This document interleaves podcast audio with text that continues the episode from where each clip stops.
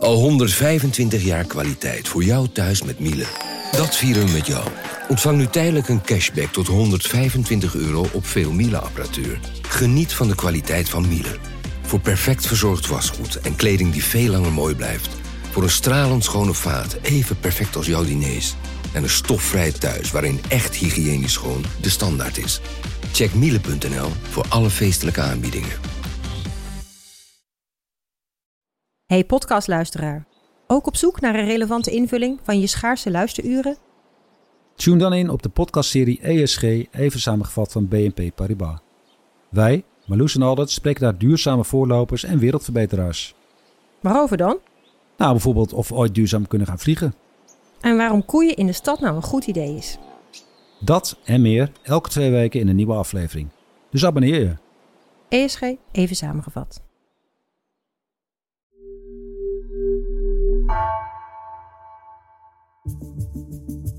Vanaf de redactie van NRC het verhaal van vandaag. Mijn naam is Thomas Ruip.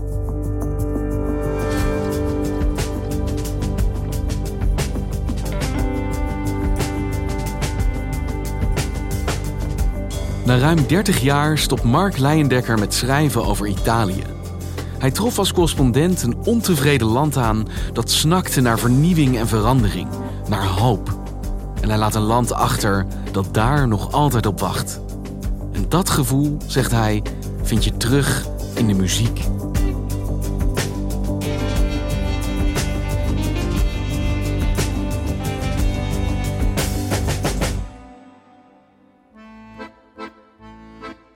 Hey Mark, je zit hier bij mij in de studio in plaats van dat jij belt vanuit Italië, want je bent met pensioen gegaan. Ja, het was tijd om afscheid te nemen van de NRC-lezer als correspondent in Italië. Pensioen is voor mij niet een periode om niets te doen, maar gewoon op een andere manier bezig te zijn. Dus ik ben helemaal nog niet uitgekeken op Italië, eh, maar voor de NRC is het afgelopen. Ik ben in 1988 eh, als correspondent naar Italië gegaan. Dan ben ik 13 jaar geweest. Dan ben ik een tijd eh, in Nederland geweest. Wel Italië blijven volgen. En zo'n anderhalf jaar geleden ben ik weer teruggegaan als correspondent. Hey Mark, toen jij als jonge journalist in Italië aankwam eind jaren 80, welk land trof jij daar aan? Ja, een, een prachtig land natuurlijk. Maar het land was ook heel ontevreden. Uh, het was ontevreden over de manier waarop de justitie functioneert, waarop, waarop uh, de bureaucratie functioneert, waarop de politiek functioneert. Dat was een soort stuivertje wisselen met steeds maar dezelfde gezichten. Dus dat, ja, die was, dat was bijna voelbaar, die roep om verandering. En hoe merk je dat, dat een land ontevreden is? Je probeert te kijken wat gebeurt er, wat is de onderstroom in het land. Maar ook, eh, ik vond het leuk om, om uh, behalve de Italiaanse politiek, ook de Italiaanse muziek een beetje te leren kennen. En dan merk je dat veel, veel Italiaanse zangers ook in de teksten van hun liedjes aangeven wat ze vinden dat er, dat er mis is in een land. Luister bijvoorbeeld naar Franco Battiato, een lied uit 1991, waarin hij de titel heeft gegeven uh, aan het lied Arm Vaderland. Tra governanti quanti perfetti e inutili buffoni questo paese devastato dal dolore. Hij zingt Arm Vaderland misbruikt door tuig. Wat een nutteloze figuren zit hier in onze regering. En dat is natuurlijk niet alleen kritiek op bepaalde politici. Dat is kritiek op het bestel wat, eh, wat uiteindelijk aan het instorten is onder alle corruptieschandalen, onder alle samenwerking die er, die er geconstateerd is met de maffia. En als je verder gaat in dat lied, dan, dan uh, het is opgebouwd in verschillende coupletten. Aan het einde van het eerste couplet geeft hij uiting aan, aan de wanhoop van veel Italianen. Zegt hij, verandering komt er niet. Non cambierà. Het, het zal niet veranderen. Non cambierà. Non cambierà.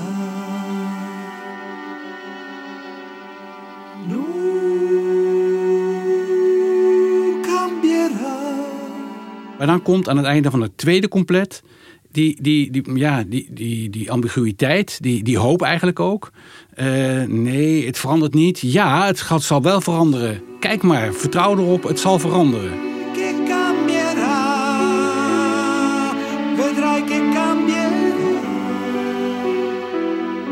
Maar aan het einde is hij toch weer toch een beetje sceptisch. La primavera intanto tarda ad arrivare. Dan zingt hij La primavera intanto tarda ad arrivare. Dus het duurt lang voordat het lente wordt. De lente laat op zich wachten. Die verandering die komt er voorlopig nog niet. En is dit het Italië wat jij aantrof? Een land dat snakt naar iets nieuws, maar eigenlijk nauwelijks gelooft dat het ook echt kan gebeuren?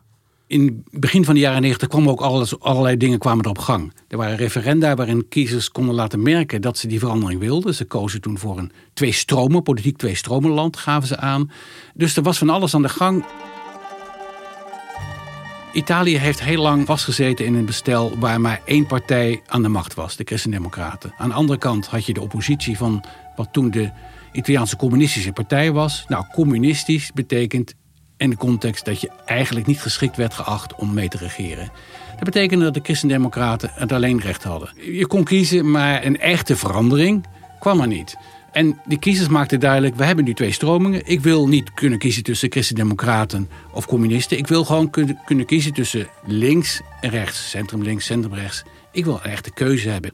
Dus mensen willen dat het anders is. Ze willen, ze willen ook andere taal. De politiek is, is vastgelopen in allerlei ingewikkelde formuleringen. En uh, in een lied waar je heel duidelijk dat verlangen en, en de concretisering van hoe het anders zou moeten terug hoort komen, is het volgende, uh, waarin woorden Azzurra, Liberta, uh, Azzurra, blauw. Hè, we zullen straks met de EK merken wat de Azzurri de blauwen uh, voor elkaar kunnen krijgen. Dus dat, dat woord hoort bij Italië. En libertà, de vrijheid, de grote wens van veel mensen. Wij willen bevrijd worden van een systeem dat niet functioneert.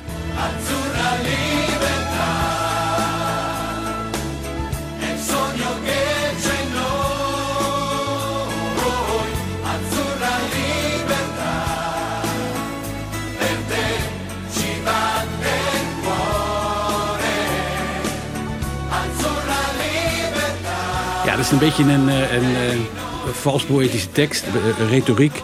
Blauwe vrijheid, dat is de droom die in ons leeft. Ons, ons hart klopt voor jou, wij zullen je verdedigen. Enige idee trouwens wie, wie dat heeft geschreven. Die dit nummer heeft Wat geschreven. bombastische tekst, ja. nee, ik denk niet dat ik dat weet. Nee, dat was Silvio Berlusconi. Berlusconi is de schrijver van dit nummer? Ja, Silvio Berlusconi is natuurlijk een fenomeen. Hij is beroemd geworden als projectontwikkelaar. Hij is daarna, uh, heeft hij zich ontpopt tot het gezicht van de commerciële tv in Italië.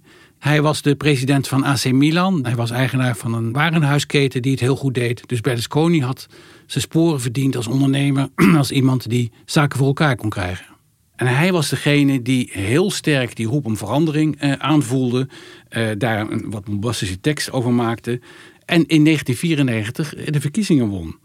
Mensen wilden gewoon dat het überhaupt anders zou worden. En het was niet zo heel belangrijk wat voor concrete nieuwe schets je dan had, maar het moest het kon niet meer op de oude weg doorgaan. Helemaal niets is daarvan terechtgekomen. En dat is tragisch, omdat veel mensen geloofden en een kaart hadden gezet op Berlusconi. Het enige wat hij toen gedaan heeft, was eigenlijk wetten aanpassen om te voorkomen dat hij zelf uit handen van de justitie zou blijven. Want die zat achter hem aan wegens financiële fraude en, en andere zaken waarmee hij de wet had overtreden. De blauwe vrijheid bleek een grauwe werkelijkheid. Ja, alleen de retoriek bleef heel krachtig. Uh, Berlusconi bleef het vertrouwen houden van veel mensen aan de rechterkant. Uh, ook al omdat er niet meteen een alternatief zichtbaar was. En dat is ook te horen bijvoorbeeld in dit liedje van Andrea Vantini uit 2010. Toen Berlusconi toch, zou je kunnen zeggen, al uh, door de mand was gevallen als iemand die veel beloofde, maar niet zoveel waar kon maken. Maar die Vantini, die zingt in 2010. Gelukkig hebben we Silvio nog. Grande sogno che vive noi. Siamo la gente della libertà. Presidente, siamo con te. Meno male che Silvio c'è. En dat was nog maar een jaar voordat Berlusconi het veld moest ruimen. Omdat de, de overheidsfinanciën onder zijn leiding echt in een, in een puinhoop terecht waren gekomen. De details die werden bekend van zijn uh, seksfeestjes met allerlei jonge meisjes. Hij is toen even op een zijspoor gezet omdat hij in 2013 definitief werd veroordeeld uh, wegens financiële fraude. Maar nog steeds wordt dit lied gespeeld door aanhangers van Berlusconi. Maar in de tussentijd, terwijl Berlusconi eigenlijk niet deed wat hij beloofde, niet die verandering teweegbracht, was hij wel dé machtigste stem binnen de politiek. Er stond daar niemand tegenover. Ja, er stonden natuurlijk tegenstanders tegenover, centrum links. Uh, maar het probleem daarbij was dat die worstelden met een enorme identiteitscrisis. Ze waren voor een deel ook geobsedeerd door, door Berlusconi. Ze waren vooral tegen Berlusconi, zonder het helemaal aan te kunnen geven aan de kiezer waar ze dan wel voor waren. Ze hadden geen eigen verhaal en daarom kon Berlusconi eigenlijk steeds weer terugkeren en uh, zo belangrijk blijven in de Italiaanse politiek. Dus Berlusconi blijft aan de macht, ook omdat zijn tegenstanders niet met een aantrekkelijk alternatief kunnen komen. Betekent dat ook dat die ontevredenheid die jij eind jaren 80 aantrof, blijft? Ja, die, in wezen wel. Je kunt zeggen er is wel degelijk wat veranderd. In de zin dat er iets afgebroken is. Maar nog Berlusconi, nog zijn tegenstanders hebben iets nieuws op kunnen bouwen. En dat zie je ook aan het begin van deze eeuw, als Italië eigenlijk een nieuwe periode ingaat. Dan, dan is de euro ingevoerd. En dat biedt uh, in ieder geval eh, financieel-economische stabiliteit. Maar het is ook een soort dwangbuis voor Italië. Daarvoor hadden ze de lire, wat is de Italiaanse munt. En die kon vrij makkelijk worden gedevalueerd als een soort noodrem... als de verschillen met andere landen uh, te groot werden. Nu Italië in de euro zit, kan dat niet meer. Een ander effect is de toenemende globalisering. Het heeft Italië met de neus op de feiten gedrukt dat ze in internationale context moeten opereren. En dat is lang niet altijd goed gegaan. Als je dan ook kijkt naar de cijfers uh, in Nederland en Duitsland volgens uh, vergelijkende uh, economische cijfers zijn we sinds 2000 ongeveer 15 tot 20 procent op vooruit gegaan in inkomen. In Italië 0, nog iets procent. Italië is in al die periode een, eigenlijk blijven drijven zonder dat er echt sprake was van groei. Het systeem Italië bleef haperen.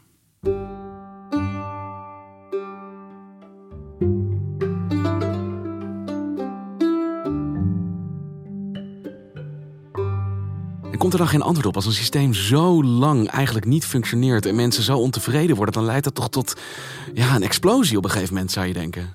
Ja, je zou denken dat de tegenstanders van Berlusconi eh, het voor het inkoppen hadden. Maar toch, dat is niet gelukt. Dat is links niet gelukt. Die was te veel met zichzelf bezig. Die was geobsedeerd door Berlusconi, als, als een konijn dat gevangen is in de koplampen. Maakte onderling ruzie. Ook dat hoor je weer in de campagnemuziek. De verwarring en de identiteit zijn bijvoorbeeld terug te vinden in het lied van Giovanotti. Te pas en te onpas gebruikt in de verkiezingen van 2008. Ook tot groot verdriet van de zanger zelf. Die zei, dit is eigenlijk geen campagne niet. Luister maar wat er gezegd wordt. Mi fido di te. Mi fido di te. Het is mooi, maar het klinkt niet heel erg als een opzwepend campagnelied met een vuist omhoog op het podium. Nee, dat klopt. En als je naar de tekst gaat luisteren, dan is het nog erger. Want wat zegt hij? Nou, ik vertrouw op je, ik vertrouw op je. En dat herhaalt hij een paar keer. En dan een mooie, mooie campagneslogan. Wat ben je bereid om kwijt te raken? Wat ben je bereid om op te geven? Nou, volgens mij is er bijna geen slechtere campagnezin denkbaar. Dus niet wat is er te winnen, maar wat ben je bereid kwijt te raken? Precies. Je zou dus denken van, nou ja, dit is uh, absoluut een nulpunt van campagnevoeren. Maar luister dan wat er in 2013 werd bedacht. Door het lied van Vasco Rossi, Un Senso. Dat was in 2013 het officiële campagnelied. Voglio trovare un senso a questa sera. Anche se questa sera un senso non ce l'ha. Hij zegt, ik wil proberen een zin te vinden, een betekenis te vinden voor deze avond, voor deze geschiedenis, voor deze gebeurtenissen. En dan is de conclusie, ja, maar die hebben eigenlijk geen zin. Nou, als dat je campagnelied moet worden, dan kan je bijna wel voorspellen wat de uitkomst zou worden. En je ziet ook, de kiezers die willen eigenlijk een tweedeling, maar je ziet ook dat er andere elementen in de samenleving, op andere plaatsen in de samenleving, protesten opkomen. Mensen die die roep om verandering op een andere manier willen invullen. Dat zag je bijvoorbeeld in, in Noord-Italië. Daar is de Lega opgekomen, de Lega Noord aanvankelijk. Want het was in het begin een soort protestbeweging. Mensen die verandering wilden in die zin dat ze hun eigen belastingcenten wilden uitgeven. En dreigden met afscheiding van het rijke noorden van het arme Zuid-Italië. Ja, het is dan ook geen toeval dat ze een heel beroemd koor als campagnelied had. Luister eventjes, je herkent het ongetwijfeld meteen. Het slavenkoor van Nabucco uit, van Verdi.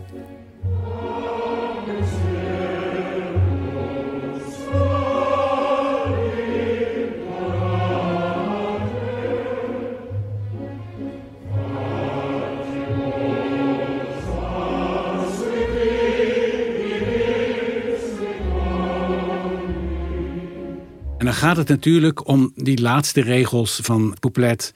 O mijn arm vaderland, wij zitten hier als slaven.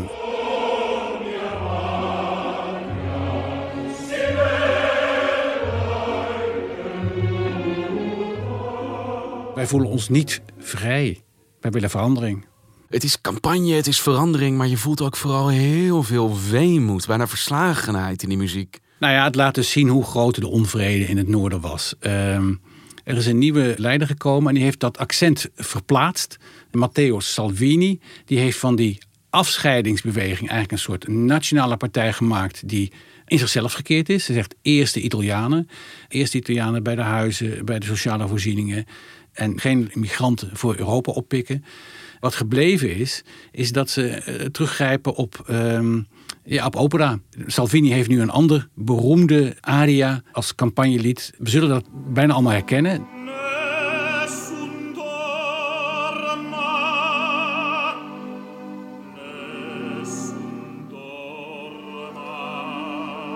Nessun Dorma uit de opera Turandot van Puccini.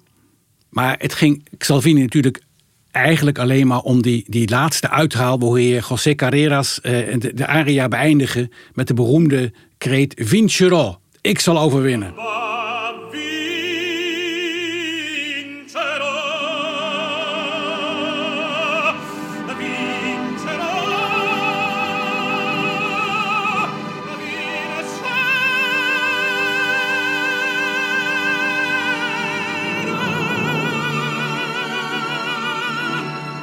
En dat is misschien ook het verschil. Dat is meer dan verslagenheid. Het is hoop weer. Dit is verandering. Dit is aanstekelijk. Ja, dit is agressiever, uh, uh, meeslepender. Hij staat op een andere manier in de politiek. Heel duidelijk een andere stijl van Salvini dan de, de Lega Noord in de jaren negentig had. Dus het is niet langer Noord tegen Zuid, maar eigenlijk heel Italië tegen iedereen. Een soort Italy first. Ja, zonder meer. Het was ook de slogan van Salvini. Prima gli Italiani. Eerste Italianen de afgelopen twee decennia hebben we nog een andere beweging zien opkomen. Die eh, begon met een vaffanculo, sodomieter op. Het was een strijdkreet van de komiek Beppe Grillo. Die is begonnen met deze beweging. Die is uitgegroeid tot een partij. En uh, hun programma, uh, dat blijkt ook heel duidelijk uit een lied wat in 2010 geschreven is. Waarbij ze eigenlijk ja, wat, wat die partij beweegt samenvatten.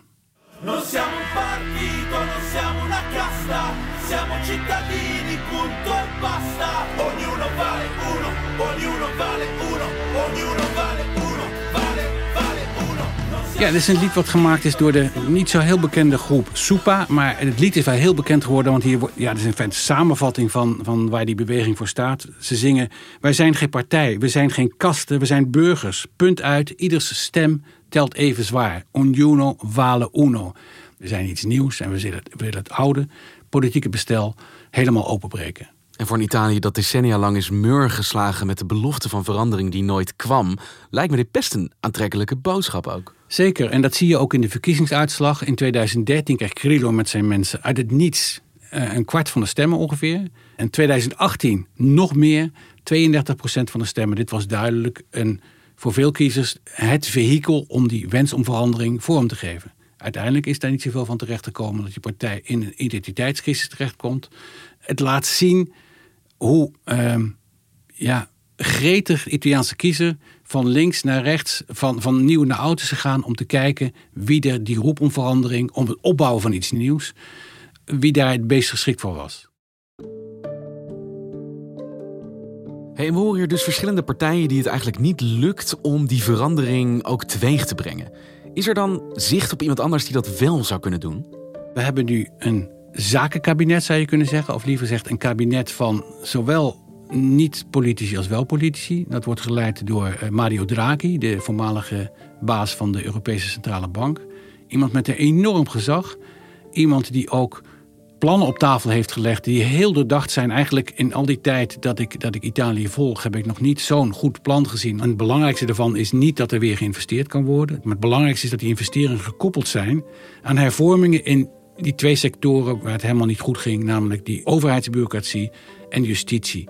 En dit is voor Italië toch een heel bijzonder moment waarop een geweldige kans ligt om die verandering door te voeren, wat het land mogelijkheid biedt om te groeien. Want nogmaals, vergeet niet, 20 jaar lang geen groei, dat doet pijn. En jij hebt dus eigenlijk ook 30 jaar lang een land gevolgd dat vanaf het begin dat je er was hoopte op een verandering die eigenlijk nog steeds niet gekomen is. Er is heel veel veranderd hoor in die tijd, maar de essentiële dingen, namelijk bureaucratie, justitie, groei, daar is niets in veranderd. Ik kwam in een periode van afbraak. En uh, er is nu een, de kans op een opbouw. Maar ja, tegelijkertijd we hebben het nu over, de, over deze kanten van, van Italië gehad. Ik laat natuurlijk ook een land achter dat ongelooflijk mooi is. Dat een erfgoed heeft van cultuurschatten, van, van, dat menselijkheid heeft. Zoveel verschillende aspecten waar je van kunt genieten. Dat je ook met enige nostalgie weggaat. En uh, misschien mag ik afsluiten met een liedje van Antonello Venditti. Roma Capoccia, Rome, hoofdstad van de wereld zou je kunnen zeggen. Maar daar bezinkt hij toch eigenlijk wat een prachtige stad Rome is.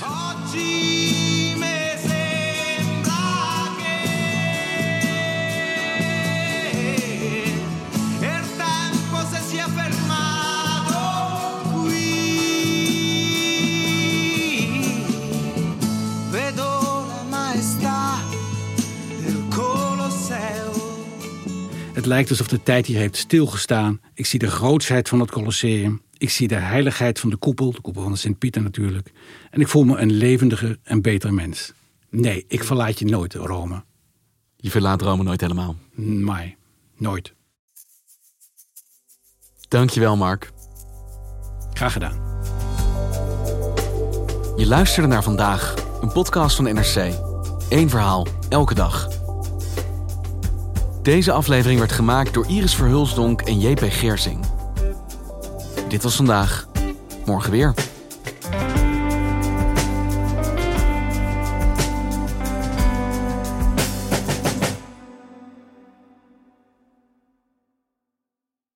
Technologie lijkt tegenwoordig het antwoord op iedere uitdaging. Bij PwC zien we dit anders. Als we de potentie van technologie willen benutten, kunnen we niet zonder een menselijk perspectief. Human-led, tech-powered noemen we dat. Ga naar pwc.nl.